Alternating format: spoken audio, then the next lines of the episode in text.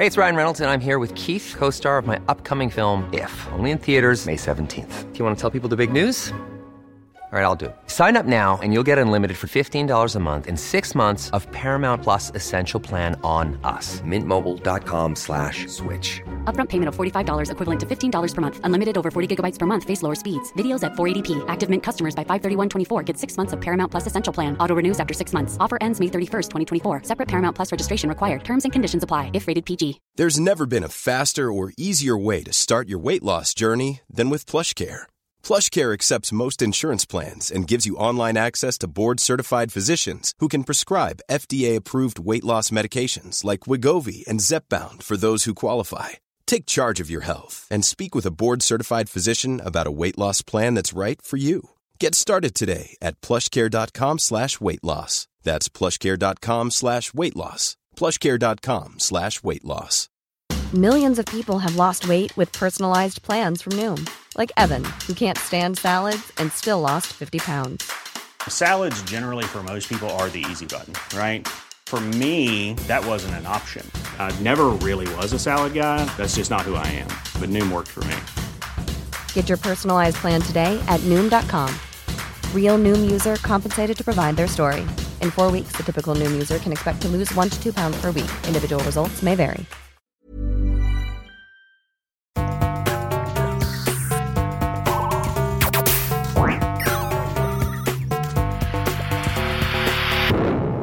Velkommen til Sinnsyn. Jeg heter Sondre Risom Livre, er psykolog, og dette er Webpsykologens podkast. Hverdagspsykologi for fagfolk og folk flest.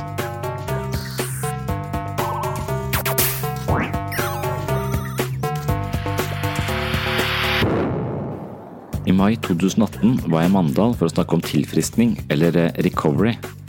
Hele dagen skulle handle om å få det bedre, leve annerledes, utvikle seg, eller rett og slett komme seg på beina etter en krise, et nederlag, en sykdom eller andre problematiske livsomstendigheter. Overskriften på arrangementet var recovery. Det er et begrep som brukes innenfor psykiatri og rusbehandling, og det dreier seg i bunn og grunn om en holdning om at mennesker kan leve meningsfulle og tilfredsstillende liv på tross av psykiske helseutfordringer. Det finnes flere definisjoner på recovery, men den mest kjente lyder som følger. Recovery er en dypt personlig, unik prosess med endring av egne holdninger, verdier, følelser, mål og ferdigheter og eller roller. Det er en måte å leve et liv på som er tilfredsstillende, deltakende og fylt av håp, selv med de begrensningene som lidelsen forårsaker. Bedring involverer utvikling av ny mening og innsikt i eget liv. Det var dette jeg skulle snakke om en solfylt dag på Sjøsanden i Mandal. Jeg hadde med meg lydopptaker, og i ettertid har jeg vært usikker på om disse opptakene skulle slippes her på sinnssyn. Problemet mitt er at jeg kommer til å si noe jeg har sagt før. Samtidig dukker det stadig opp nye tanker og innfallsvinkler jeg ikke har snakket om før, og noen av disse tankene vil jeg gjerne kringkaste her på podkasten. Jeg har forsøkt å redigere ut gjentagelsene, men skjønte fort at jeg ikke husker hva jeg har sagt og ikke sagt tidligere, og det ble bare kluss. Enden på visa er at jeg publiserer fire episoder fra Mandal og gir blaffen i om deler av dette blir repetisjon. Den første episoden vet jeg inneholder mange gjentagelser, men den legger på en måte grunnlaget for mye av det vi snakket om resten av dagen. I flere av episodene snakker jeg med Jan Terje Einarsmo, som er enhetsleder for miljøterapeutiske tjenester i Mandal kommune. Vi tar også inn spørsmål fra publikum. Det var omtrent 100 mennesker i lokalet, og jeg hadde ikke mikrofon. Derfor høres det av og til ut som om jeg roper. I dagens episode skal det altså handle om ulike innfallsvinkler til psykisk helse. De som har fulgt sinnssyn eller webpsykologen en stund, vet kanskje at jeg har en særegen interesse for vitenskapsteori. Det kan høres litt eh, filosofisk kjedelig ut, men mitt mål har vært å gjøre vitenskapsteori både interessant og praktisk relevant for alle som har en kropp og en hjerne. I dagens episode snakker jeg om å forstå et problem fra ulike vinkler. Ulike faggrupper og ulike mennesker ser verden fra sitt ståsted. Vår bakgrunn, våre erfaringer og vår utdannelse sørger for at vi skjærer tilværelsen i et bestemt snitt. Vi bedømmer en sak eller et problem med bakgrunn i en forståelse som farger vårt blikk på verden. De mest fleksible menneskene blant oss evner å innta flere perspektiver på en og samme sak, men i møte med krise og utfordringer hender det at våre perspektiver snevres inn.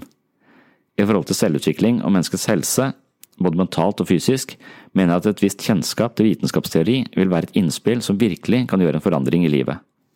I følgende foredrag begrunner jeg denne påstanden i håp om at det kan åpne noen nye dører hos dem som er interessert i psykologi, helse, menneskets muligheter for vekst og utvikling.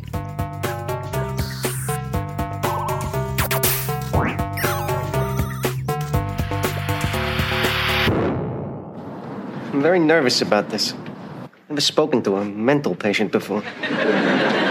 My cousin Douglas was in a place like this one time. Came over to my house for dinner.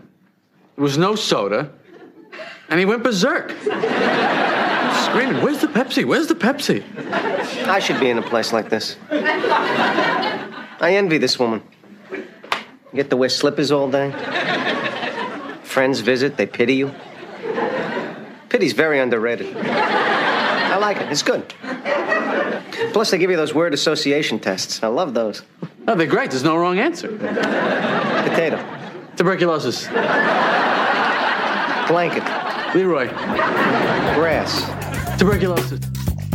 Uh, Men nå kommer jeg fra, jeg kommer fra psykisk helseverden, da. Uh, Så jeg kommer fra DPS, et distriktspsykiatrisk eh, senter. Så jeg jobber med voksne mennesker som har uh, angst, depresjon og personlighetsforstyrrelser, kaller vi det. Eh, Og, og det er på en måte der jeg har alle mine referanser, og der jeg har også, det er på en måte det jeg kan. da. Så de av dere som jobber med psykisk utviklingshemning, der er ikke jeg så så god, vil jeg si. Eh, Det kan jeg jo mindre om. Eh, Så det vil ikke være den eh, Jeg håper dere kan plukke opp noe av det jeg sier likevel. altså At det er noe sånn slags allmennmenneskelig over det jeg sier. Men, men jeg er ikke noen spesialist på det området. Der er det sannsynligvis mye bedre enn meg. Når det kommer til psykisk helse, så, så har jeg en sånn idé om at Eller det var en artikkel i NRK nå, på nrk.no, eh, hvor en psykiater fra Nord-Norge mente at vi burde avskaffe alle diagnoser. Og det er jeg ganske enig i. Altså, jeg, det å kalle psykisk lidelse for en sykdom føler jeg er veldig, veldig misvisende.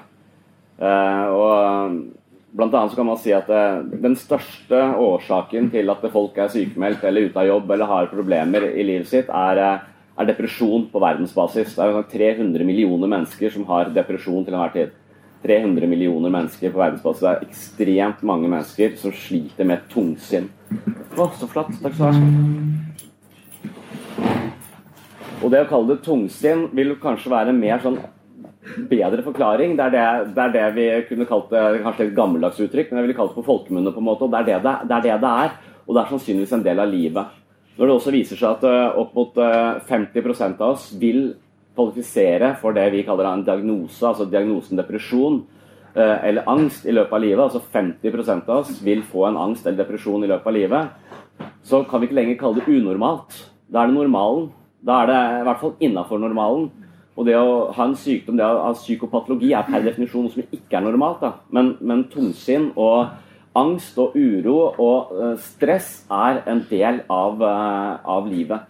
Og det å kalle en sykdom føler jeg da er sykeliggjørende. Så jeg er veldig på de som, uh, som, som mener at vi bør egentlig avskaffe disse diagnosesystemene. Jeg tenker litt at denne disse diagnosene er fordi at vi har prøvd å bli sånn som somatikken. Eh, Vi vil gjerne at dette skal være evidensbasert og objektivt og, og, og sant. og En sykdom skal være noe du skal kunne veie og ta og føle på. og Det utløser en del rettigheter osv. Derfor så må vi ha diagnoser. Mens eh, vår psykiske helse den er i bevegelse hele tiden. Den er ikke eh, syk, den er, eh, den er mer eller mindre i balanse, og vi må forstå den. Og når vi ignorerer den, så blir vi bare mer syke. Så det å ha et språk for hva som foregår på innsida, er jeg veldig for. Men det å kalle det eh, med diagnosenavn, det tror jeg eh, ofte eh, gjør bare vondt verre. Og ofte gir en oss idé om at vi har en slags det er, vi, har, vi har en sykdom, og en sykdom sånn, i forhold til, Da tenker vi medisiner eller noe. Mens det å ha en psykisk sykdom handler bare om at det er noen signaler inni deg som forteller deg noe om at måten du lever på, eh, kanskje ikke er helt optimal, og du bør lytte til de signalene.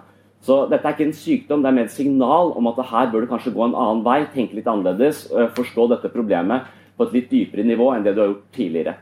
Så For noen så vil jo det å bli psykisk syk være på en måte en ja, lidelsen, Den psykiske lidelsen er den første nåde. på en måte. Det er en mulighet til å forstå seg selv på et dypere nivå og, lage, og gå nye veier i, eh, i livet sitt. så uh, det der elefantlignelsen er det jeg tenkt å begynne med. Den er jo en sånn uh, kjent, uh, kjent, greie. Altså, hva er psykisk lidelse? Nå har jeg allerede prøvd å si litt om hva jeg mener det ikke er, i hvert fall. Men, men det er så mange, mange forståelser av psykisk lidelse. Og, det, å bli, det å bli deprimert Jeg tror det er 2000 måter å bli deprimert på. og jeg tror det er 2000 måter å komme seg ut av depresjonen på. Og så tror jeg at vi, Når vi da beskriver en depresjon og skal forstå den som en diagnose, så står vi på hver vår side av elefanten og beskriver det vi ser.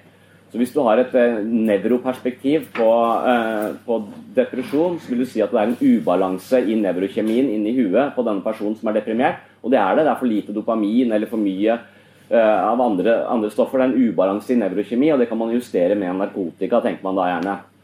Det kan man jo, for narkotika hjelper jo som bare rakkeren. Men, men, det er også da et objektivt perspektiv på hva skjer i hjernen når en person er, er deprimert. Du skal ha helt andre perspektiv på det også. Du kan si at denne personen har blitt fortalt at han er dum og underlegen hele livet, og han har begynt å tro på det. Selv om det ikke egentlig stemmer, så går han rundt og tenker at han er mindre verdt enn andre mennesker.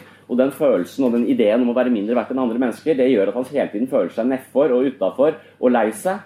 Så dermed så er det måten han tenker på, det er operativsystemet inni huet hans, som, som har, har, en negativ klang, og det gir han en følelse av negativitet og håpløshet hele tiden. Og det er utgangspunktet for hans depresjon. Så han begynte å tenke litt annerledes om seg selv, forstått at han er omtrent like verdifull som de alle andre mennesker er. Så, så, hadde, så, hadde, han kunnet endre hele følelsen av å være seg.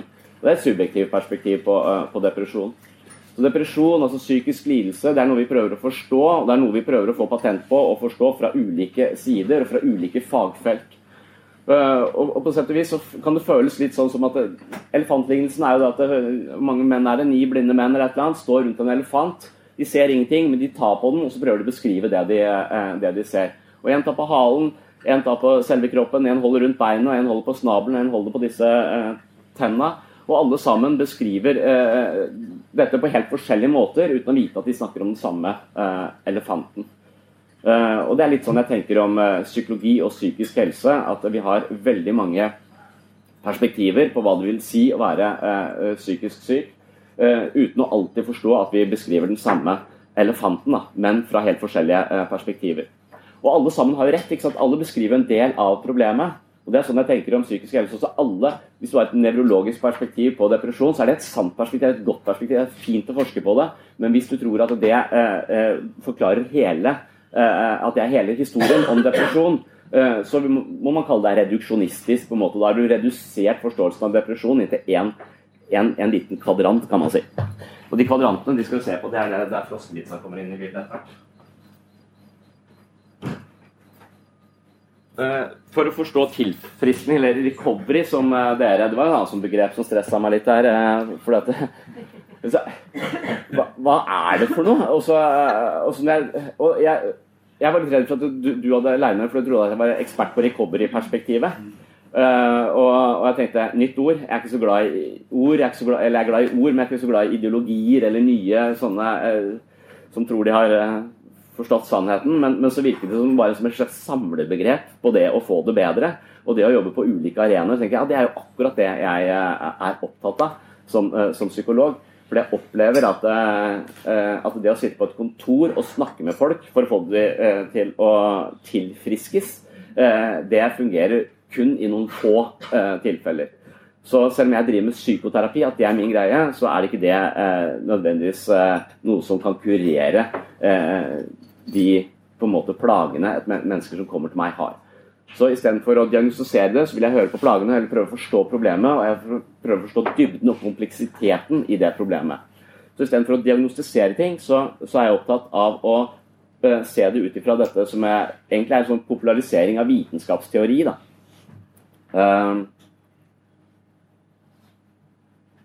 Det er en idé eh, som du kan ha fra Platon eller fra ja, Kant eller, eh, det, det en, eller kanskje Habermas sitt siste. altså At det finnes ulike vitenskaper, ulike innfallsvinkler til å forstå et problem. Habermas snakker om naturvitenskap og samfunnsvitenskap. og øh, og humanvitenskap. Altså tre forskjellige vitenskaper med tre helt forskjellige erkjennelsesinteresser.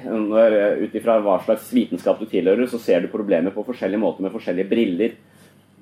Og det virker ganske universelt. Da. Det virker som noe vi har visst om det å være menneske siden tidenes morgen, omtrent. I hvert fall siden, siden det vi har fra, fra, fra Platon, snakker om det gode, det vakre og det sanne som også er fire aspekter ved det å være, eh, det å være, være menneske. Eh, og jeg har kutta det opp i da fire eh, kvadranter. Og øverst til høyre der så, så, er det denne kvadranten hvor naturvitenskapen holder til. Da. Det som er der oppe, det er menneske i entall. Det som er til høyre, det er den objektive delen av det å være menneske. Og Den objektive delen av det å være menneske vil si at vi har en hjerne med, som veier halvannen kilo, med milliarder av synaptiske forbindelser og en nevrokjemi Eh, som er selve substratet for alt vi opplever. Det er, det er datamaskinen. Datamaskinen vår det er liksom selve det, det, vi kan veie, ta og føle på. Det er det objektive delen. og Det er altså naturvitenskapen. Det er eh, lege, det er medisin.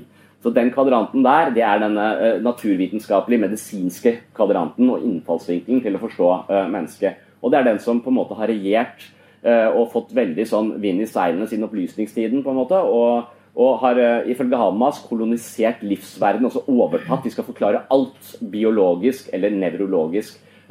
Og, og, uansett hva du opplever, så har det et eller annet nevrologisk substrat. Hvis vi endrer på dette nevrologiske substratet, så vil også opplevelsen av deg endre seg.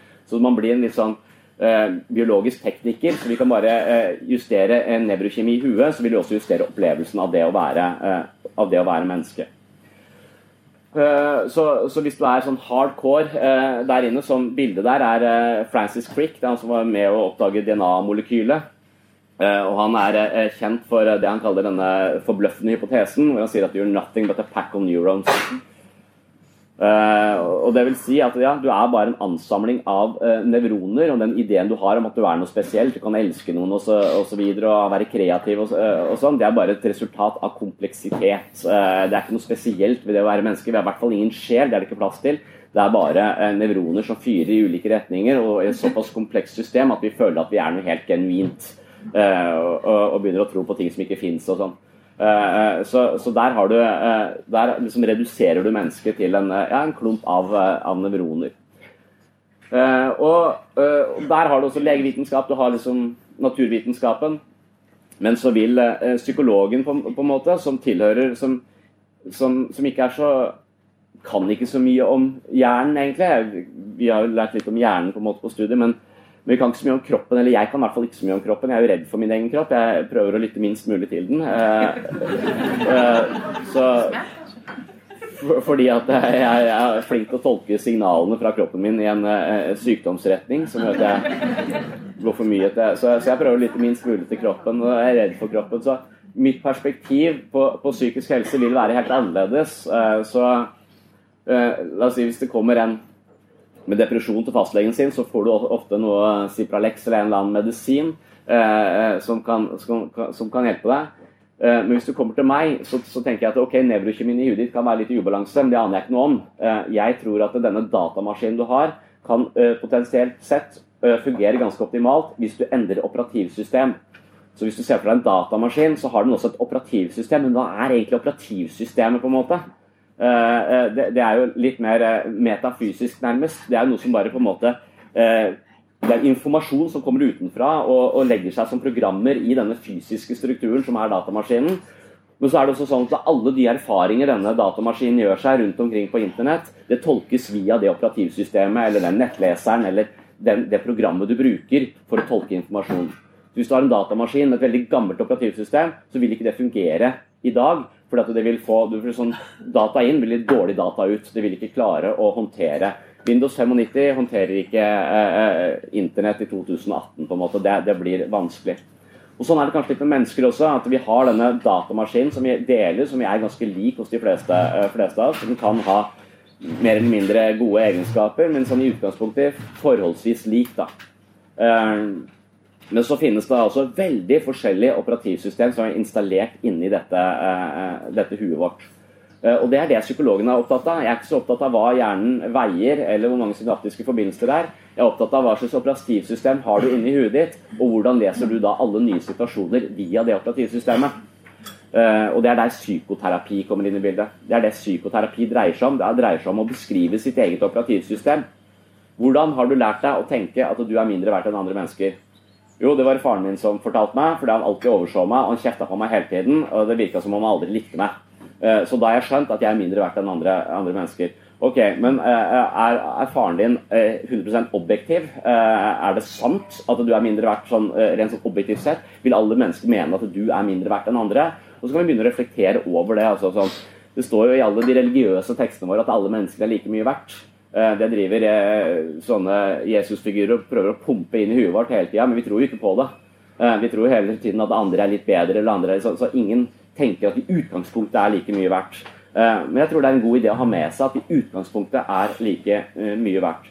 Men når vi da får installert et operativsystem inni huet vårt, hvor vi har møtt drittsekker som ikke har kapasitet til å ta seg av andre, eller som driver og rakker ned på deg for å føle seg bedre selv, så vil det påvirke operativsystemet inni huet ditt. Og hvis det skjer mange ganger, så vil du få en idé om at du ikke er så god som andre, eller at du ikke er verdt å elske. Og Dermed så vil du da gå inn i nye relasjoner med den tanken om at eh, du kommer sikkert til å forlate meg snart. Du klarer ikke å binde deg til andre mennesker, du blir ensom, du eh, tenker negativt om deg selv, du sliter med depresjon, angst osv.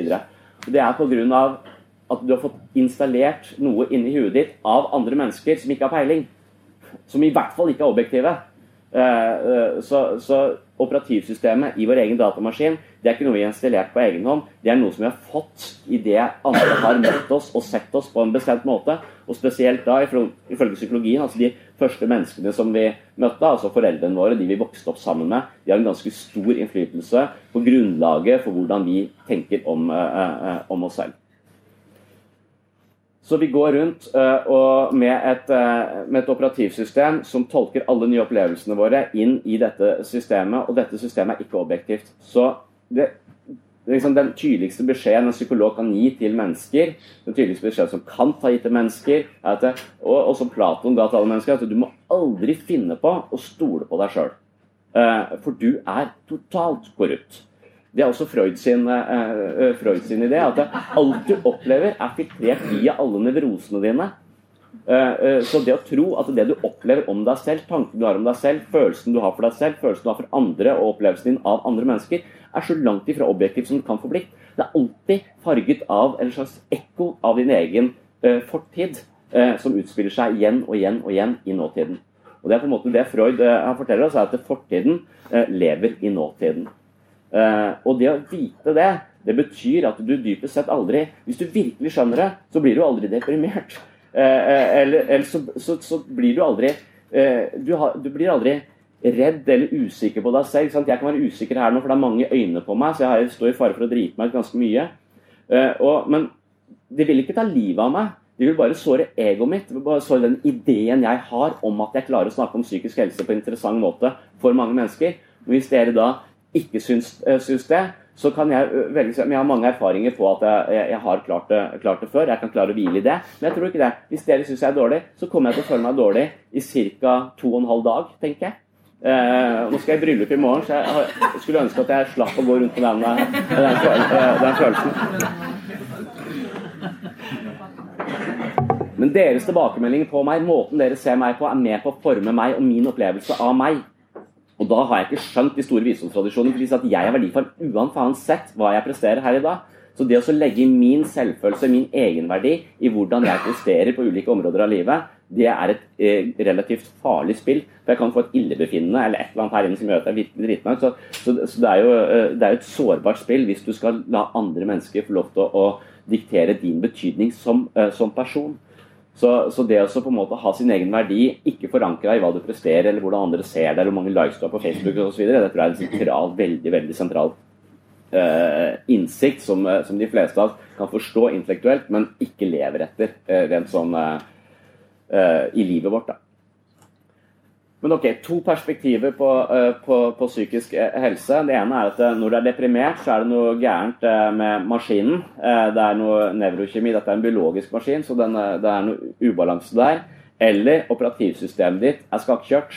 Operativsystemet ditt er installert av idioter som ikke veit hva de snakka om, og som har gitt deg en følelse av å være mindre verdt enn en andre. Og du må, du må på en måte reprogrammere deg selv. Og det er forskjellen på et menneske og en, eh, og en maskin, er at vi faktisk har evnen til å reprogrammere oss selv. Hvert fall, De fleste av oss har det. Uh, og den evnen den ligger i prefrontal cortex, den ligger i panna. Og all psykisk helse handler egentlig da dypest sett om å trene opp den muskelen som ligger i panna. For det den muskelen kan gjøre, det er at den kan se på selve maskineriet. Kan, jeg kan observere meg selv tenke. Uh, så, så, jeg kan på en måte Det, kalles jo metakognisjon. Evnen til å tenke på sin egen tankegang. Uh, og det er altså Essensen av psykoterapi det er jo å gå et skritt tilbake og begynne å beskrive hva er det, hvordan fungerer maskinen din, hvordan tenker du, hvordan føler du, hvordan henger dette sammen, hvor har du det fra? Det å stå utenfor seg selv og beskrive seg selv. Uh, og Der oppstår det en litt sånn uh, hos unge mennesker når, dette, når, denne egenskapen dukker opp. For det er sånn Piaget snakker om hvor, hva slags, hvordan hjernen vår utvikler seg, hvordan vi går inn i forskjellige kognitive stadier. Eh, så vil vi, vil vi, på en måte flytte fra det ene stadiet til det andre, og så vil det dukke opp nye egenskaper i denne maskinen, denne eh, biologiske datamaskinen vår. Og På et eller annet tidspunkt så begynner denne biologiske datamaskinen å få evne til å reflektere over seg selv, altså metakognisjon, evnen til å se seg selv utenfra. Eh, fordi at prefrontal cortex begynner å, begynner å utvikle seg. Men den er heller ikke ferdig utvikla før vi er 25. Så helt opp til 25 så er du per definisjon emosjonelt ustabil. Uh, vi kaller det ikke personlighetsforstyrrelse, vi kaller det bare tenåra, ungdomstida og osv. Uh, så, så for Vi har ikke denne evnen til å observere dette indre. Derfor skyter følelser litt fritt. Vi klarer ikke nødvendigvis å se de, regulere de, uh, regulere de ned. Da. Men, men, prefrontal cortex her oppe, det er evnen til å se vårt eget sinn. jeg kaller det alltid sinnssyn. Uh, og, og, det er det all psykisk helse dreier seg dypest sett om å trene opp denne muskelen til å se seg selv uh, utenfra. Da. Observere sin egen måte å tenke og føle på. Så Det handler også om introspeksjon, det å se innover.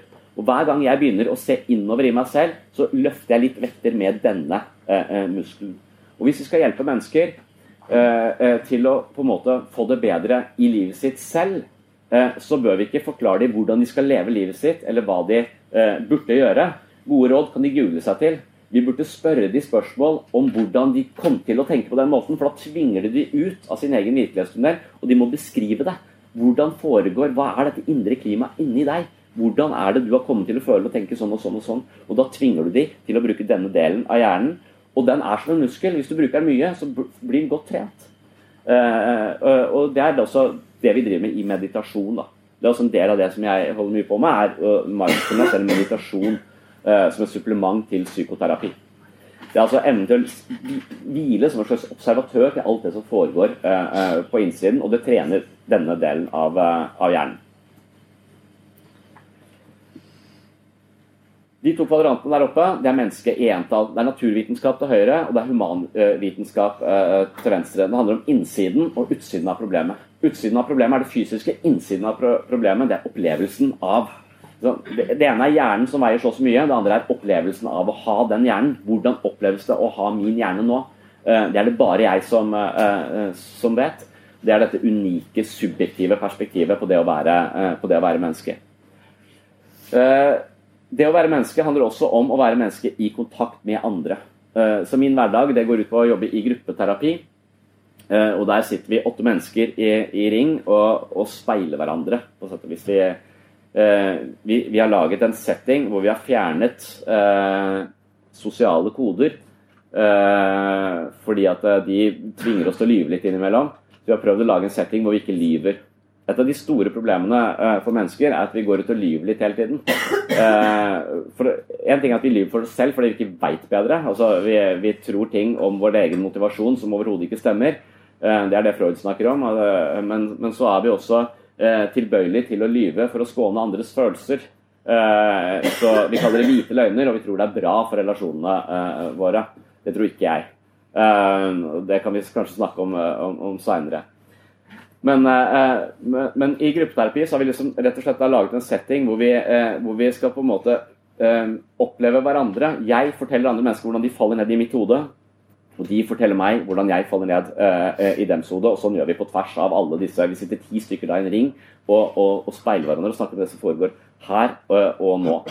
Uh, og for, for, å beskrive det, så jeg noen ganger For ti år siden var jeg på fest. Og det er, det er ti år siden jeg var på fest. Eh, nå skal jeg i bryllup i morgen, da. Eh, eh, men jeg er småbarnspappa, og derfor har jeg gått glipp av alle fester eh, eh, siden ja, 2008. men da når jeg var på fest i 2008, så, med, så sto jeg da var jeg også dårlig trent, så da, da sto jeg liksom og snakket med en, med en fyr som bare var helt uinteressert i meg. så, så, han sto bare og kikka alle andre veier. Jeg prøvde liksom alt jeg kunne av smalltalk osv. Og, Eh, og prøve å stille han spørsmål og alt jeg trodde var sosialt intelligent. Eh, men så fikk jeg ikke noe respons. Uh, og det som foregår da mellom meg og han, er jo Eller det som foregår inni meg, at jeg føler meg liten og dum. Jeg føler meg uinteressant. Men det sier jeg ikke noe om på fest. For det vil være å bryte de sosiale kodene. Hvis jeg sier du, du får meg til å føle meg liten og dum, hva er som skjer her? Hvis du gjør det mye på fest, så blir du ikke bedt. Det kan være derfor jeg ikke har vært på fest siden 2008. Eh, det kommer jeg på nå. Eh, men i hvert fall, i en sånn situasjon hvor du føler deg oversett, eh, så, så, vil du bare trekke deg unna den situasjonen, for det er ubehagelig å være i. Så jeg, du, jeg henter en øl, vi snakkes. Og så kommer jeg, kommer jeg meg ut av, av situasjonen. Hvis jeg hadde vært i gruppeterapi, så hadde jeg ikke gjort det. For der er vi programforplikta til å på en måte si noe om det vi opplever der og da. Uten alle disse sosiale reglene. Som er med på å regulere samspillet, så det ikke blir helt uh, uoversiktlig og uforutsigbart. Så det er, det er, en god ting med disse sosiale reglene. Det forplikter oss også til en form for høflighet uh, som gjør at vi går glipp av en del informasjon uh, om oss selv og det som foregår inni andre mennesker. Så La oss si at den samme situasjonen hadde dukket opp i gruppeterapi. Så hadde jeg sagt at vet du hva, når jeg snakker, så føler jeg at du rett og slett bare kobler ut og, og overser meg. Jeg føler meg egentlig liten og dum når, når jeg er i kontakt med deg. Hva er det som skjer her? Og Da kan det hende han sier at vet du, hva, jeg har så mye angst at jeg ikke klarer å følge med. Uh, så, uh, og, og, da vil min følelse forandre seg ganske dramatisk, egentlig. For Hvis jeg skjønner at han sliter med angst, og det er derfor han ikke klarer å følge med på meg, så vil jeg få medfølelse med han istedenfor å føle meg liten og dum. Og en ting jeg er opptatt av, det er å leve lenge. Uh, altså, Jeg er livredd for å dø. Og jeg har lest at det å føle seg liten og dum, da dør du ti år for tidlig. Men hvis du har mye medfølelse med andre mennesker, så lever du ti år lenger. Det sa både Jesus og Buddha og Dalai Alle disse folka har sagt at det å ha medfølelse med andre er bra.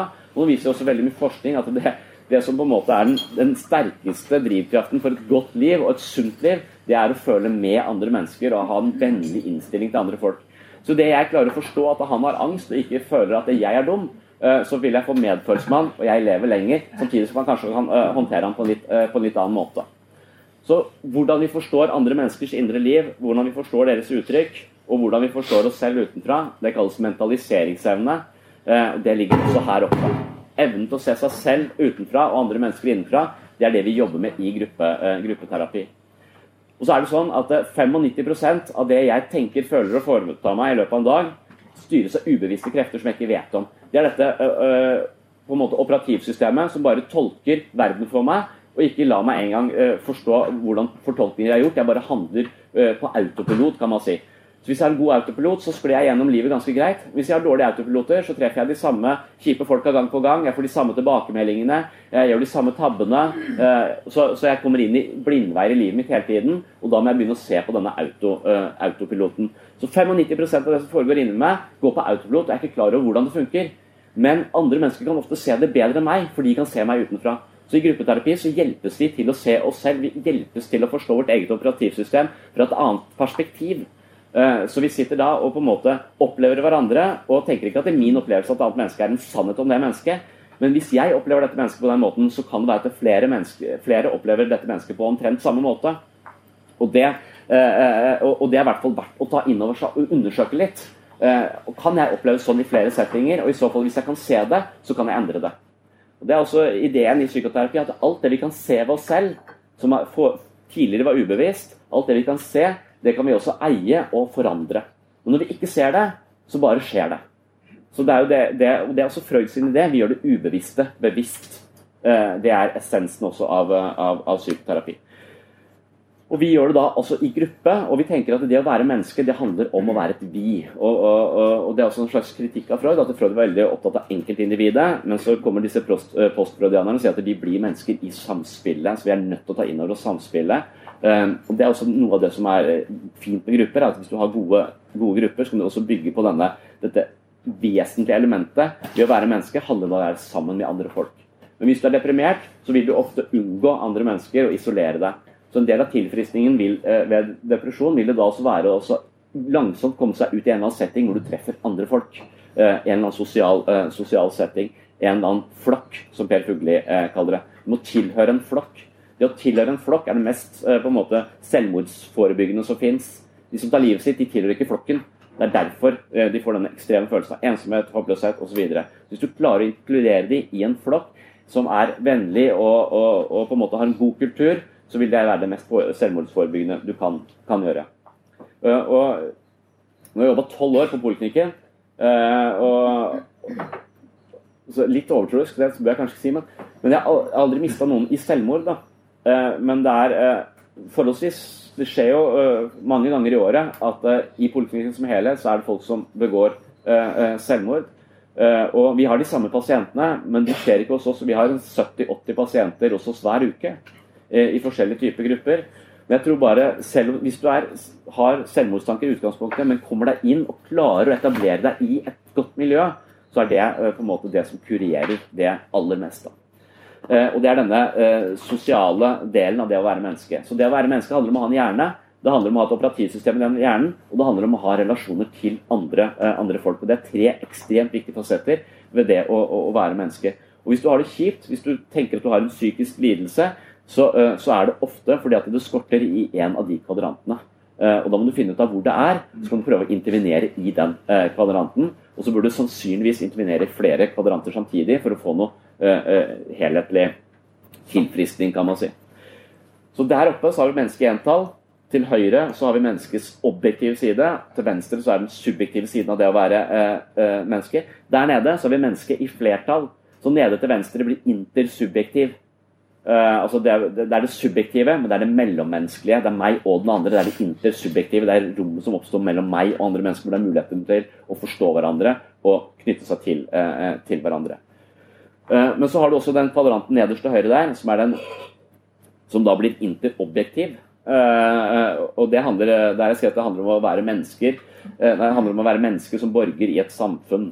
Uh, så det interobjektive det representerer liksom alle de strukturene som er rundt oss da, i livet. Det representerer for meg ofte Nav. men det er alle de institusjonene som er bygd opp rundt oss, som også påvirker livet vårt ganske mye. så, så du, kan, du kan godt Eh, komme i psykoterapi fordi du har det kjipt, du føler du er deprimert, eh, men årsaken er at du har eh, ikke klart å betale regningene dine på et år.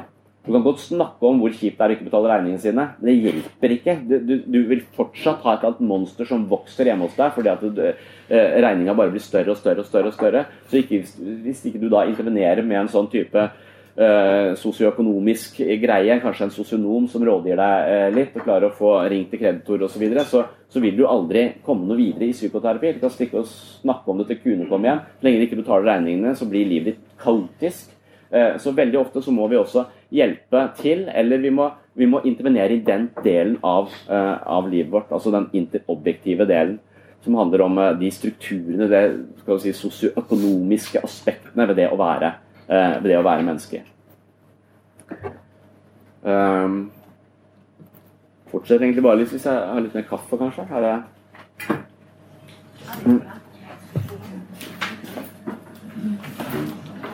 Jeg var litt her. Ikke skru. Alle skru. Ingen kan jo det.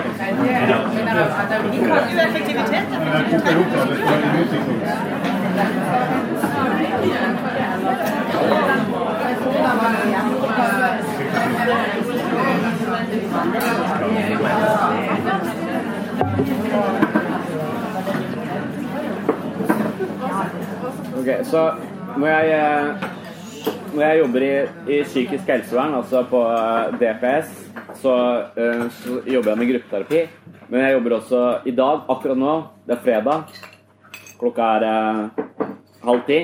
Akkurat nå så hadde jeg sittet og ja, rivd negler, sannsynligvis. Stanga huet litt i pulten eh, og lest 20 søknader fra fastleger. Som ønsker at pasientene skal få hjelp i psykisk helsevern. Så jeg sitter i noe som heter inntaksteamet Eh, og Det betyr at jeg sitter og vurderer søknader som kommer inn til eh, eh, poliklinikken. Eh, og når jeg da ble psykolog, eh, så tenkte jeg at jeg hadde litt empati og hadde lyst til å hjelpe mennesker. Det har jeg heldigvis lagt av meg. Nå, eh, min, eh, en av mine viktigste oppgaver det er å, å sørge for at folk ikke får den hjelpen de føler de trenger. da. Eh, fordi at jeg kan lese noe inn i disse søknadene som gjør at vi kan klare å avvise dem. Så jeg sitter i en sånn mellom barken og veden-posisjon. Jeg skal på en måte ta imot henvisninger fra fastlegen. Og så har jeg masse folk eh, eh, som jobber på poliklinikken som har altfor mye å gjøre allerede. Så ved 20 nye søknader i uka så har de allerede 10 pasienter for mye fra før. Alle har 40-50 på lista si. Eh, så alle er overarbeida, og bare, det kommer bare mer inn. Så jeg må prøve å holde det unna. Eh, på en måte. Og når jeg holder det unna, så blir fastlegene sure på meg. Og når jeg tar de inn, så blir de jeg jobber sammen med, sure på meg. Så ingen liker meg. Eh, eh, dermed så spiser jeg også lunsj aleine. Eh, så det er en utrolig utakknemlig posisjon å, å, å, være i. Men da kommer man på en måte inn på den eh, Jeg tror jeg tar litt mer.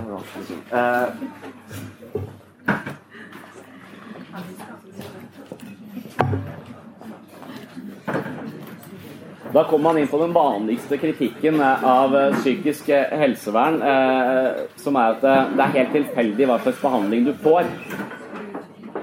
eh, når du kommer til, til oss.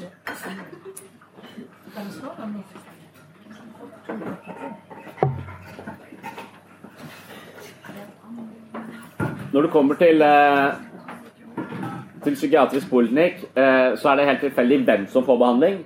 Og det er helt tilfeldig hva slags behandling du får. Eh, det har eh, Riksrevisjonen påpekt eh, flere ganger, og det er sant.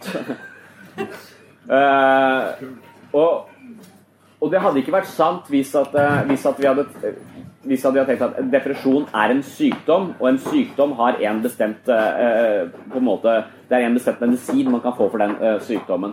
Men så lenge depresjon ikke er en sykdom, men en tilstand som alle mennesker opplever fra tid til annen, og som har en million forskjellige årsaker, så, så, vil også det være en million måter å forstå det på. Jeg har delt inn i fire måter å forstå det på, og så kan du dele det bare enda kan bare nyansere det mer, mer, og mer.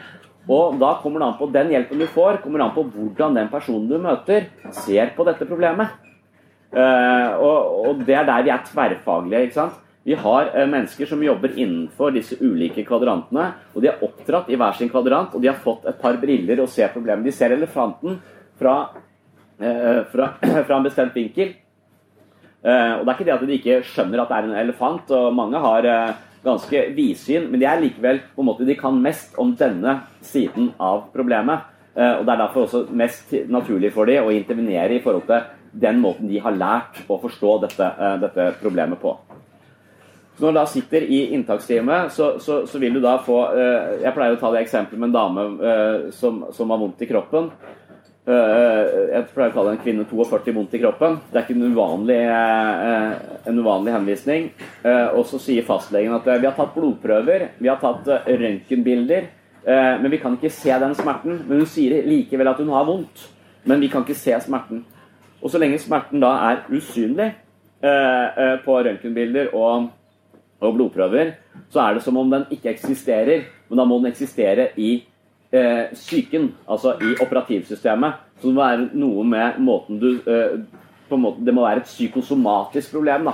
Eh, så Derfor så henvises det til eh, Vi klarer ikke å finne ut av det. Vi har målt og veid dette problemet. Vi ser det ikke. Eh, dere må, eh, må, se om dere kan, kan, finne ut av det. Så jeg tenker at det er en psykosomatisk tilstand, og så sender vi til psykisk helsevern. Den henvisningen hadde jeg avslått. ikke rett til helsehjelp, tror jeg. men la oss si vi hadde tatt den inn, da. Ehm, så, eh, så, så, så, vil dette mennesket som har vondt i kroppen, eh, risikere å få litt forskjellige typer behandling, avhengig av hvem som har kapasitet til å, å, å ta imot. Så hvilken behandler er det dette mennesket eh, får, kommer an på hva slags kapasitet vi har ved poliklinikken. Det står fibromyalgi, står det spørsmålstegn. Også, vi har ingen eh, eksperter på fibromyalgi. Vi har bare folk som har mer eller mindre kapasitet, stort sett mindre kapasitet. Eh, så, så, dermed så, eh, så, så, blir det denne henvisningen lagt til det mennesket som har muligheten til å møte innenfor den fristen vi har gitt i forhold til rett til psykisk helsehjelp. Og Da kan vi forestille oss at det er Niklas, som er lege. Og legen hører til øverst til høyre eh, der. Niklas er en doktor, han kan kroppen. Han, han er også psykiater, så han kan en del om, del om psyken. Eh, men han har et ganske biologisk perspektiv på det å være, være menneske. Selv om han kan, kan se, eh, se, de andre, så er det ofte hans hovedfokus. Så når han møter denne dama med vondt i kroppen, så vil han tenke at mm, det er en fysisk eh, smerte her. Vi kan prøve medisiner. Da sier du nei, jeg har prøvd så mye medisiner, jeg vil ikke ha mer medisiner. Nei, ok, du vil ikke ha, ha medisiner. Men tenk likevel en fysisk smerte trenger en fysisk intervensjon. Eh, så jeg mener at eh, en psykomotorisk fysioterapeut vil være det beste tilbudet eh, for deg. Så jeg viderehenviser deg til Bryggeloftet, som er et sted i Kristiansand, hvor fysioterapeuter holder til og hjelper mennesker som har den typen psykosomatiske plager. Da. Det er altså fysioterapeuter med en slags etterutdannelse i hva som foregår på innsiden, samtidig som de intervenerer ganske, ganske fysisk. Eh, en del av, eh, del av Freud sine på en måte, disipler gikk også den veien etter hvert. Altså de, de, var mer opptatt av eh, karakterforsvaret og at hele, hele vår hele vårt psykologisk indre liv sitter også i kroppen vår, i muskulaturen vår, på en eller annen måte. Så det å endre og intervenere kroppslig, f.eks. å rette seg opp i ryggen istedenfor å gå sånn osv., så det vil også påvirke måten du så deg selv på, hele holdningen din. Altså, det er noen som på en måte slutta å prate med folk bare intervenerte rent fysisk. og det er også, I dag så er det mest vanlig da at, at fysioterapeuter driver med sånn psykomotorisk fysioterapi. da. Så uh, Niklas ble enig uh, etter to timer med denne dama. Så blir han enig om at det jeg tror det beste for deg er å få hjelp på brygge, bryggeloftet. og Så blir hun henvist dit, og, så, og, og, og, det hjelper henne. Det letter smertene uh, en, en, god del, så hun blir bedre. Men så kan det være at annet, i en annen parallell simultan virkelighet ikke Niklas har kapasitet, men det er jeg som har kapasitet. Og jeg liker jo ikke kroppen, jeg er jo redd for kroppen. Mitt beste råd er jo bare ikke lytt til det. Og bare lat som du ikke har noen kropp, på en måte. Det, sier hun, det er veldig vanskelig, for den gjør vondt hele tiden. Ja, det skjønner jeg. Eh, det er fordi du legger så mye merke til den. Eh, men jeg vil jo ikke Jeg veit jo ikke noe om kroppen, så jeg, jeg kan ikke ta det perspektivet på det. Men jeg tenker jo da at, at det er operativsystemet hennes. så så når jeg får snakke litt med henne og, og forstått litt om hvordan hun tenker, hva, hun er, hva slags erfaringer hun har, så vil jeg tenke at det, eh, er eh, Du har blitt en del mobba opp igjennom. Du har en lang mobbehistorie fra, fra ungdomsskole og, og, og, videregående. Og du har på en måte kanskje eh, en slags sånn mistillit til folk, virker det som. Det er som om du har erfart at folk er ute etter å ta deg, jukse og manipulere. Så på en eller annen måte så har du en forventning om at folk har en eller annen skjult agenda eller kan komme til å skade deg. Så du går rundt på litt sånn alarmberedskap hver gang du møter nye folk. Og når du går rundt på alarmberedskap inni, inni deg, så går du på en måte og spenner deg litt hele tiden. Så, eh, så, grunnen til at du har vondt, kan hende at det handler om denne mistilliten du har til andre mennesker. Um, så jeg tror at operativsystemet ditt er litt skakkjørt, for alle mennesker er ikke sånn som mobberne på ungdomsskolen. Det var en gjeng på tre stykker. De er uh, ikke lenger i livet ditt, og nå er det fordelaktig for deg å møte andre mennesker med en litt annen åpenhet og en litt annen tillit enn det du har hatt uh, tidligere. Det er vanskelig. Jeg har alltid tenkt at andre mennesker har alltid vært skeptisk. Ja, jeg skjønner det. Derfor så må vi endre eh, den måten du ser deg selv i forhold til andre på. Og det er, Da kan du bare legge deg på benken her, så sier vi ca. 200 timer i psykoterapi for å reinstallere programvaren inni huet ditt. Eh, så da får, dette, da får denne dama to timer hos Niklas eller 200 timer hos meg på en benk. Eh, hvor hun ligger med fri assosiasjon, og jeg tolker hva som foregår inni huet hennes. Eh, så det er to ganske forskjellige tilbud da, eh, på samme sted. Og så vi har kontor ved siden av hverandre, til og med. og det er fordi at vi forstår problemet helt forskjellig. vi ser to helt forskjellige sider ved det samme, ved det samme problemet. Vi står på hver vår side av elefanten. men vi kan også se for oss at jeg ikke har kapasitet. Da. Eh, og at det er en som heter Elin som har kapasitet isteden. Og hun, hun er sosionom. Det er en mangelvare uh, i psykisk helse, helsevern. Alle de sosionomene jeg har møtt, de har tatt videreutdannelse i kognitiv terapi, og så jobber de der oppe til venstre med operativsystemet istedenfor å jobbe. Men det er jækla systemet som ingen forstår. Uh, så, som er der nede. Så, så jeg tenkte at sosionomer de skal forstå systemene. Ingen, jeg, jeg er sånn systemisk tilbakestående. Jeg får ikke pappapenger engang når jeg skal være hjemme med i pappaperm, så, så jeg syns det der skjemaveldet der er kjempevanskelig selv. Så når folk kommer til meg og har problemer med Nav, så sier jeg, så bare, sier jeg ja, det skjønner jeg. Det er, uh, helt umulig å, å, forstå. Der kan jeg ikke hjelpe deg. Lykke til. si ifra hvis du skjønner det, så kan du, så kan du lære meg det. Men når da den dama vondt i kroppen møter Elin, da, uh, som har, uh, har sosionombriller uh, på seg, så legger Elin merke til at hun har et forferdelig økonomisk kaos i livet sitt. Hun har ikke betalt regninger på, på, et år. og du vet at Regninger som ikke betales, de, de, vokser og de blir til et slags monster som bare blir større og større. og større, og Du kan på en måte leve rundt dette monsteret og late som om det ikke er der. Eh, det er en fortelling om en sånn gutt som, eh, som, bor eh, i et hus hvor det er en drage som først er en liten, men litt skremmende, og så bare vokser den og blir større og større. Så sier til moren sin det er en drage, du må hjelpe meg, det er en drage. Til Nei, det er ikke noe drage her, så bare later som hun ikke ser den. Men til slutt så blir den dragen så stor at den tar med seg hele huset. Så når moren kommer hjem fra jobben, da, så er huset borte. og, og det er Den dragen, den får vi i fortellinger, men det er altså de ubetalte regningene. Det, det er en, en, sånn type drage som huset til slutt forsvinner. Det er ikke kødd, selv om det, det er i historiene kommer som drager og troll osv. Så, videre, så er det det det er snakk om. De problemene vi ignorerer og ikke våger å se på, de vokser seg til monster i livet, eh, livet vårt. Hun har ignorert den delen av livet sitt, eh, og, og, når da Elin våger å se på det, og sier at vi skal se på det sammen, og de da faktisk klarer å lage en nedbetalingsplan eh, og ringe til kreditorer og rydde opp i dette eh, økonomiske kaoset, så bruker de seks timer på det, eh, og så har de en god plan på det. Og når hun er ferdig og ser inn etter seks timer, så er hun så letta over at dette her er kommet i orden, at hun senker skuldrene, og smertene avtar. Så da har hun liksom fått tre forskjellige behandlere eh, med tre forskjellige forståelser av problemet, og alle sammen fungerer litt.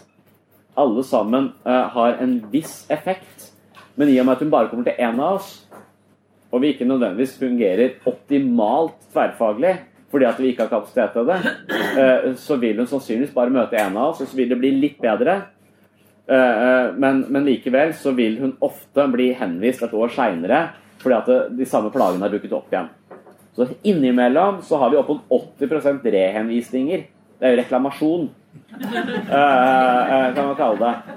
Og, uh, og, noen sier ja, det er fordi vi ikke har god nok tid til hver enkelt. Jeg mener det er fordi at vi stort sett driver med psykoterapi hele tiden. På problemer som ikke lar seg løse psykoterapeutisk. Du kan godt gå 200 timer til meg og endre operativsystem, uh, men så lenge du ikke betaler regningene dine, så forsvinner huset ditt like fullt. Uh, og det å ikke ha noe hus, det er stress. Så da vil det også påvirke hvordan du tenker om deg selv. Jeg har faen ikke noe sted å bo. Nei, men jeg er heldigvis en å snakke med om det. Ja. Og det, det, det hjelper jo ikke. Uh, hvis jeg skal hjelpe henne, så må jeg jo flytte inn til meg, da. Og da hadde ikke kona mi blitt noe særlig fornøyd.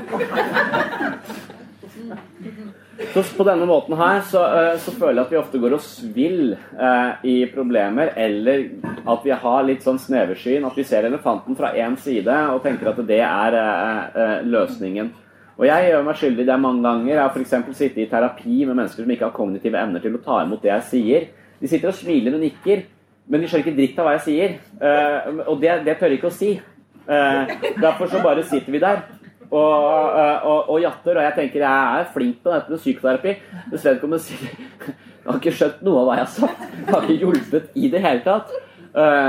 så kona mi er nevropsykolog, så hun er flink til å utrede hvordan, hva slags intellektuell kapasitet da, eller kognitive evner et menneske har, og hva slags hjelp det er uh, kapabel til å motta, og hva slags prognoser man kan se for seg ut ifra hvordan datamaskinen utgangspunktet fungerer. For det finnes jo datamaskiner som, uh, som ikke har like mange ressurser på alle områder som andre data, datamaskiner. Det er kanskje noen av de dere jobber med.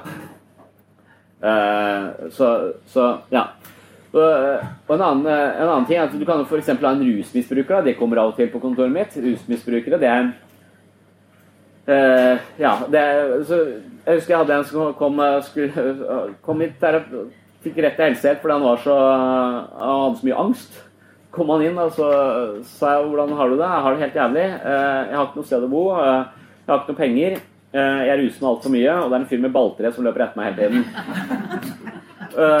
Og så, det, ja, det er fint jeg kan snakke om hvordan oppløser ikke hadde sted å bo. Fyren, Hvor er han fyren med balltre forresten nå? Uh, for, jeg er skeptisk til folk med balltre, og jeg vil heller ikke assosieres med mennesker som kjenner folk med balltre. Så jeg er egentlig mest interessert i at han ikke skal være på mitt kontor, eller aldri nevne meg for noen.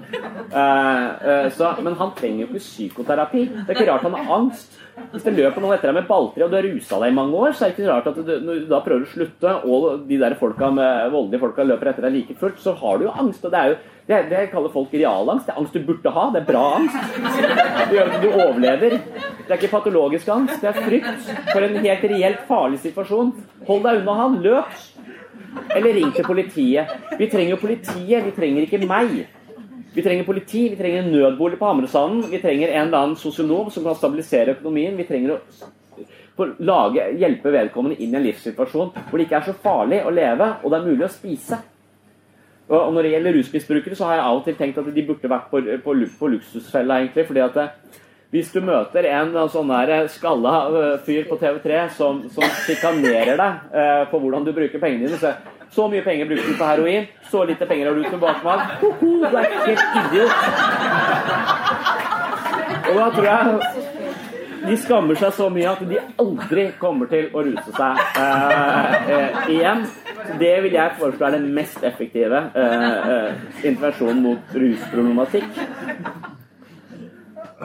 Så, eh, så da, ja, da er luksusfella for, det, for den typen, eh, typen problemer.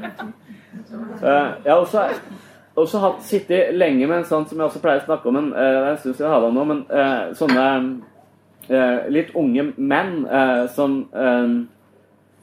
spiller mye data og er oppe på natta, røyker mye hasj og, og hater Arbeiderpartiet. Det det, er et eller annet med det å være oppe om natta og røyke hasj og få en sånn voldsom motstand mot Arbeiderpartiet. Uh, jeg har aldri sett den sammenhengen. Jeg mener, jeg er helt sikker på at det er en sammenheng der, men jeg var ikke helt klarlagt uh, ennå. I hvert fall så kommer han på kontoret mitt sånn midten av 20-åra, nærmere 30. Han sitter på rommet nå i ganske mange år. Og så, og, så, sier han han er deprimert. da, Han kommer inn og scorer høyt på denne madressen. Eh, helt opp mot eh, ja, Livet er helt totalt håpløst, på en måte. Så kommer han med bestilling. Han vil gjerne bli lykkelig. Uh, så er det, så, fan, det, er ingen som er lykkelig, kan man drite i. Da, da, må du begynne å ruse deg hele tida. De er kanskje lykkelige, men, uh, men da lever du ikke så lenge. Så så, så det kan, men, men, du kan kanskje løfte deg litt, for du er jo helt grå i trynet. Du, du er det mest ja, Du ser jo helt miserabel ut, på en måte. Ja, det er fordi jeg alltid er ute, sier jeg. Det kan jeg forstå. Eh, men og, og, og da, da, begynner jeg oppe i operativsystemet hans. Hva er det som gjør at han fyren her bare sitter inne uh, og uh, surfer på, på, nett på sider hvor uh, folk er enige med han om at Arbeiderpartiet suger, at staten er, er korrupt? Eh, det, eh, det, er fordi, som, som, vi begynner å forstå det, at han hadde en far som var forholdsvis tyrannisk. Altså en far som ga fullstendig faen i han. Og hvis han brydde seg, så var det ved å sjikanere eller slå eller bare oppføre seg som en drittsekk. Han hadde en forelder som ikke var kapabel, og mora var ofte deprimert og på en måte bare helt taus i et hjørne. Så han var underlagt et sånn ganske sånn strengt tyranni opp igjennom. Uh, mens nå er han voksen. Faren hans er ute av bildet. Moren er også ute av bildet. Eh, så nå har han ingen han er, han er, ikke lenger et offer for foreldrene, men nå han kjenner seg selv som et offer. Han, han, han, på en måte har internalisert den posisjonen som et offer. Han vet ikke hvem han er hvis han ikke er et offer. Så nå har han bytta ut faren med Nav eller staten eller Arbeiderpartiet eller en eller annen overformynder da, som han kan på en måte hate, eh, og, og, og som kan være årsaken til at han ikke kan leve et godt liv. Så han sitter litt i det jeg kaller offerposisjonen. Eh, og vi må på en måte innse, vi må, på en måte, vi må forstå at offerposisjonen er ikke noe blivende sted.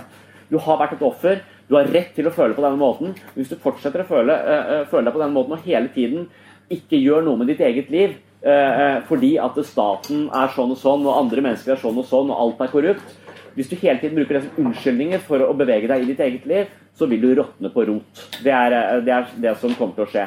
Så Vi snakker om det, hvordan han på en måte hele tiden føler seg som et offer. Hvordan han hele tiden ser andre eh, som sterkere og høyere opp, og at han hater disse autoritetene.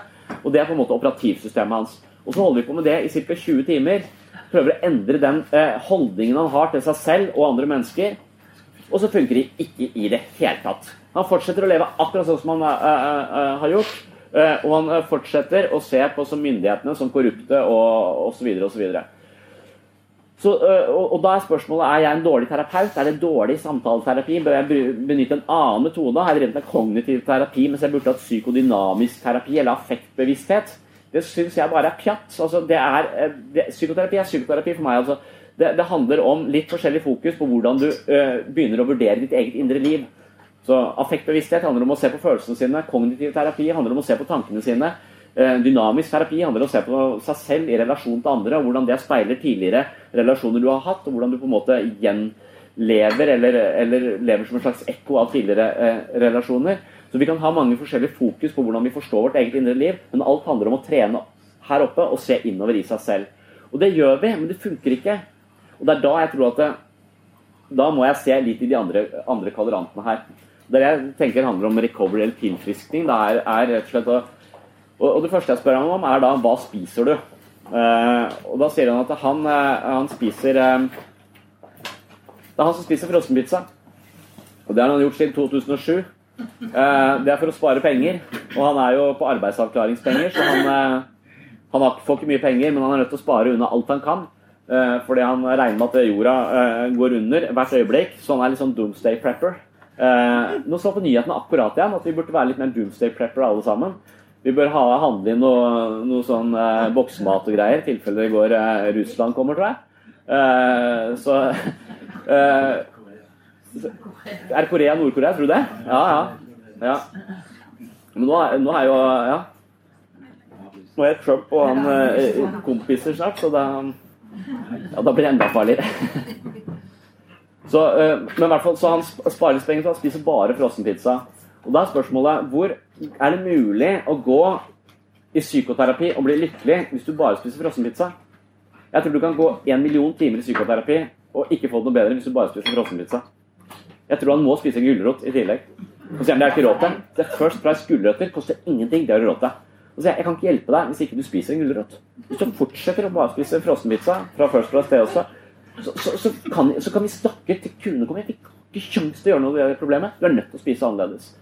Det er da en intervensjon fra den fysiske avdelingen. Det er en objektiv ting vi har. Altså, det du tar inn i kroppen din, det vil påvirke hvordan du opplever deg selv, og hvordan systemet ditt fungerer.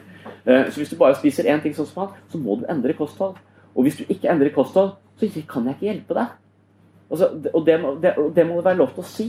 Og Der er jeg litt streng, altså. Så jeg at ok, jeg gidder ikke å snakke med deg mer. Hvis du ikke, ikke spiser annerledes, det kan jeg ikke hjelpe deg. Det, er bare som å trå vann. Vi kommer ikke av flekken. Det blir sittende fast her. Vi kan prate, og det kan være hyggelig, men, uh, uh, men, men, vi kommer ikke noe videre i prosessen så lenge du ikke endrer noe på måten du, uh, du spiser på. Så jeg foreslår at han skal spise en gulrot også. men det er vanskelig å gjøre de endringene når man har disse vanene. Så ideelt sett da, så burde du ha en gruppe så man kan gå inn i en kostholdsgruppe de hadde på et tidspunkt, som kunne hjelpe han til å etablere et, bedre eh, kosthold. Uh, og, det er en av de tingene vi kanskje kan snakke om senere, at mennesker har lettere for å endre seg i flokk enn de har individuelt. Uh, viljestyrke til å endre seg fungerer egentlig ikke. Det Evnen til å endre seg er noe vi har utviklet fordi at vi, har, vi er sosiale dyr, og vi, er, vi, har et slags behov for å være en del av flokken. Så Det å utsette umiddelbar behovstilfredsstillelse for å nå et langsiktig mål er en sosial greie. Har ofret våre egne, eh, våre egne måte, goder til fordel for flokken. Og når vi skal på en måte holde ut noe eller klare noe, så gjør vi det best i flokk. Ikke for oss selv. Hvis du bare har sånn der, skal med viljestyrke og krum nakke eh, gjennomføre et eller annet uh, nyttårsforsett, så ryker du i midten av januar. Garantert. Uh, dette er en sosial ting, det kan, kan, vi, uh, kan vi, snakke om. Så, så han burde vært i en gruppe som ivaretok dette her. Og så spør jeg også hvor mye beveger du deg da? i løpet av, altså, Jeg går jo opp og ned til deg. Ja, ja, men Du bor jo rett borti veien her. Så det er jo Jeg er snakk om 100 meter. Det blir 200 meter, det. Ja, men det er jo én gang i uka. Ja, 200 meter én gang i uka. Uh, så sant, han er stillesittende, uh, deprimert og har snudd døgnet. Det å snu døgnet er også depresjonsfremkallende. Det å ikke bevege seg er depresjonsfremkallende. Og jeg har, der jeg jobber, en treningsgruppe som går fem dager i uka. Og den har jeg starta fordi at eh, jeg er redd for å dø. Jeg trenger å trene. Jeg hater å trene, men jeg vet jeg må det. Eh, jeg har ikke tid til å trene på ettermiddagen fordi jeg har så mange barn.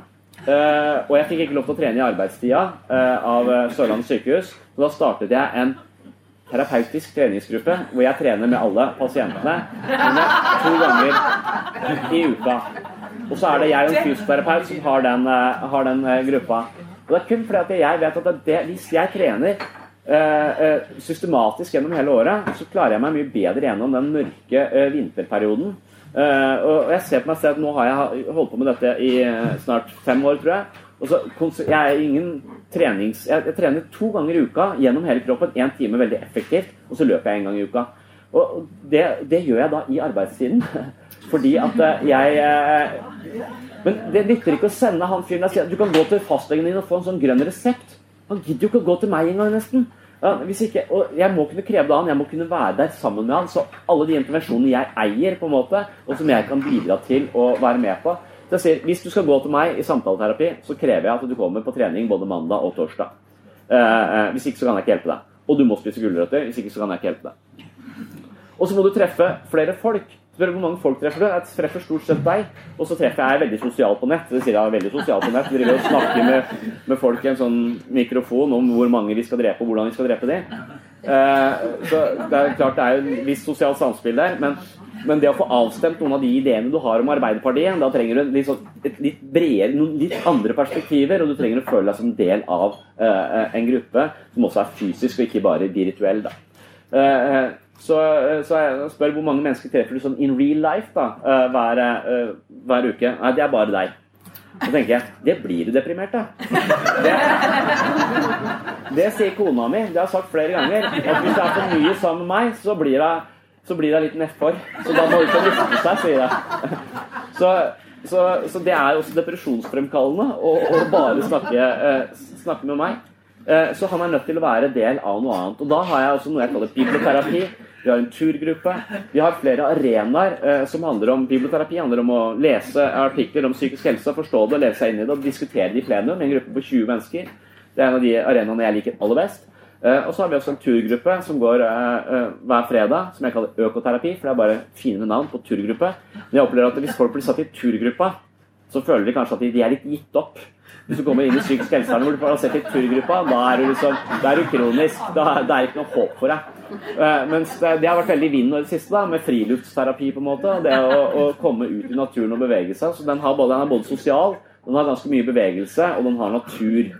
Uh, og da kan jeg begrunne det med at det er veldig mye forskning som sier at uh, byer med grønne lunger er det mindre depresjon i enn de byene som ikke har grønne lunger. Så det er et eller annet med naturen som også har en helsegevinst. ikke sant? Og det, Hvis du bare viser til noe forskning som viser det, så er det litt så, så vet du hvorfor du går på tur, istedenfor bare gå der. tenker Jeg er helt gitt opp, jeg skal bare gå her hver fredag eh, og, og, få noen medisiner, og så får vi se hvordan det går. Så, nei, Vi, har, vi veit hvorfor vi går tur. Vi har en aktiv innsats i det vi gjør. Dette gjør vi for vår egen helse og for andre. Vi må vite hvorfor vi gjør det.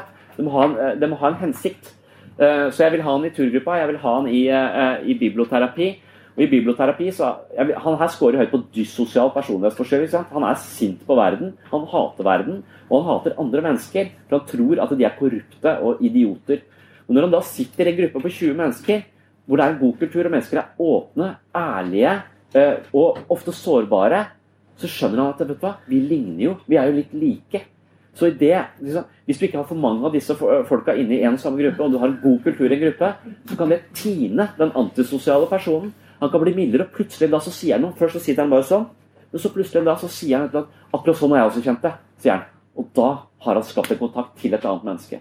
Uh, så jeg kan ikke hjelpe han inne på kontoret mitt. Gruppa kan hjelpe han. Flokken kan hjelpe han hvis det er en god kultur i den flokken. Og som gruppeterapeut så er det på en måte det jeg fokuserer best, mest på. Det er å ha gode kulturer i flokker. Hvis vi har dårlig kultur i flokker, så kan du ta inn friske mennesker, og de kan bli sjuke av det. Hvis du har gode kulturer, så kan sjuke mennesker komme inn og vokse inn i flokken og løftes bare av gruppekulturen, rett og slett. Så grupper er ekstremt potente hvis vi klarer å håndtere dem godt og lage gode kulturer. Så tar vi en pause.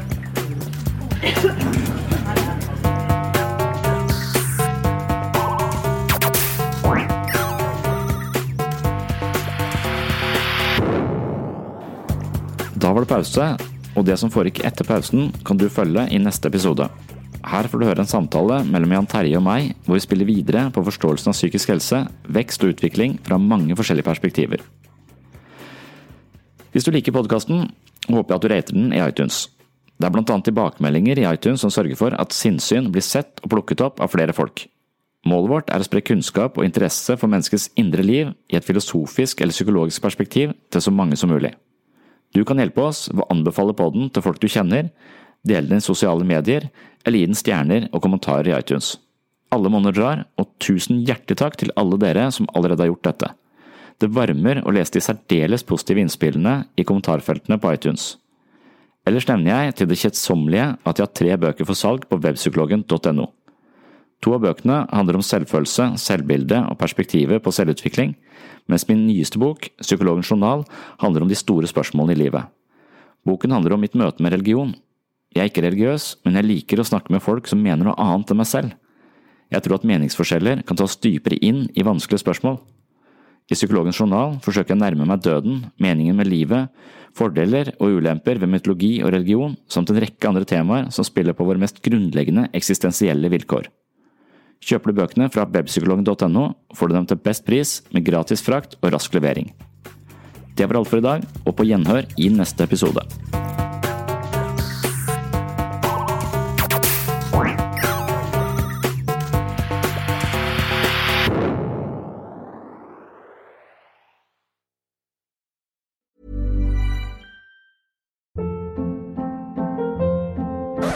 Hold up. What was that? Boring. No flavor. That was as bad as those leftovers you ate all week. Kiki Palmer here, and it's time to say hello to something fresh and guilt-free. Hello Fresh. Jazz up dinner with pecan-crusted chicken or garlic butter shrimp scampi. Now that's music to my mouth. Hello Fresh. Let's get this dinner party started. Discover all the delicious possibilities at hellofresh.com.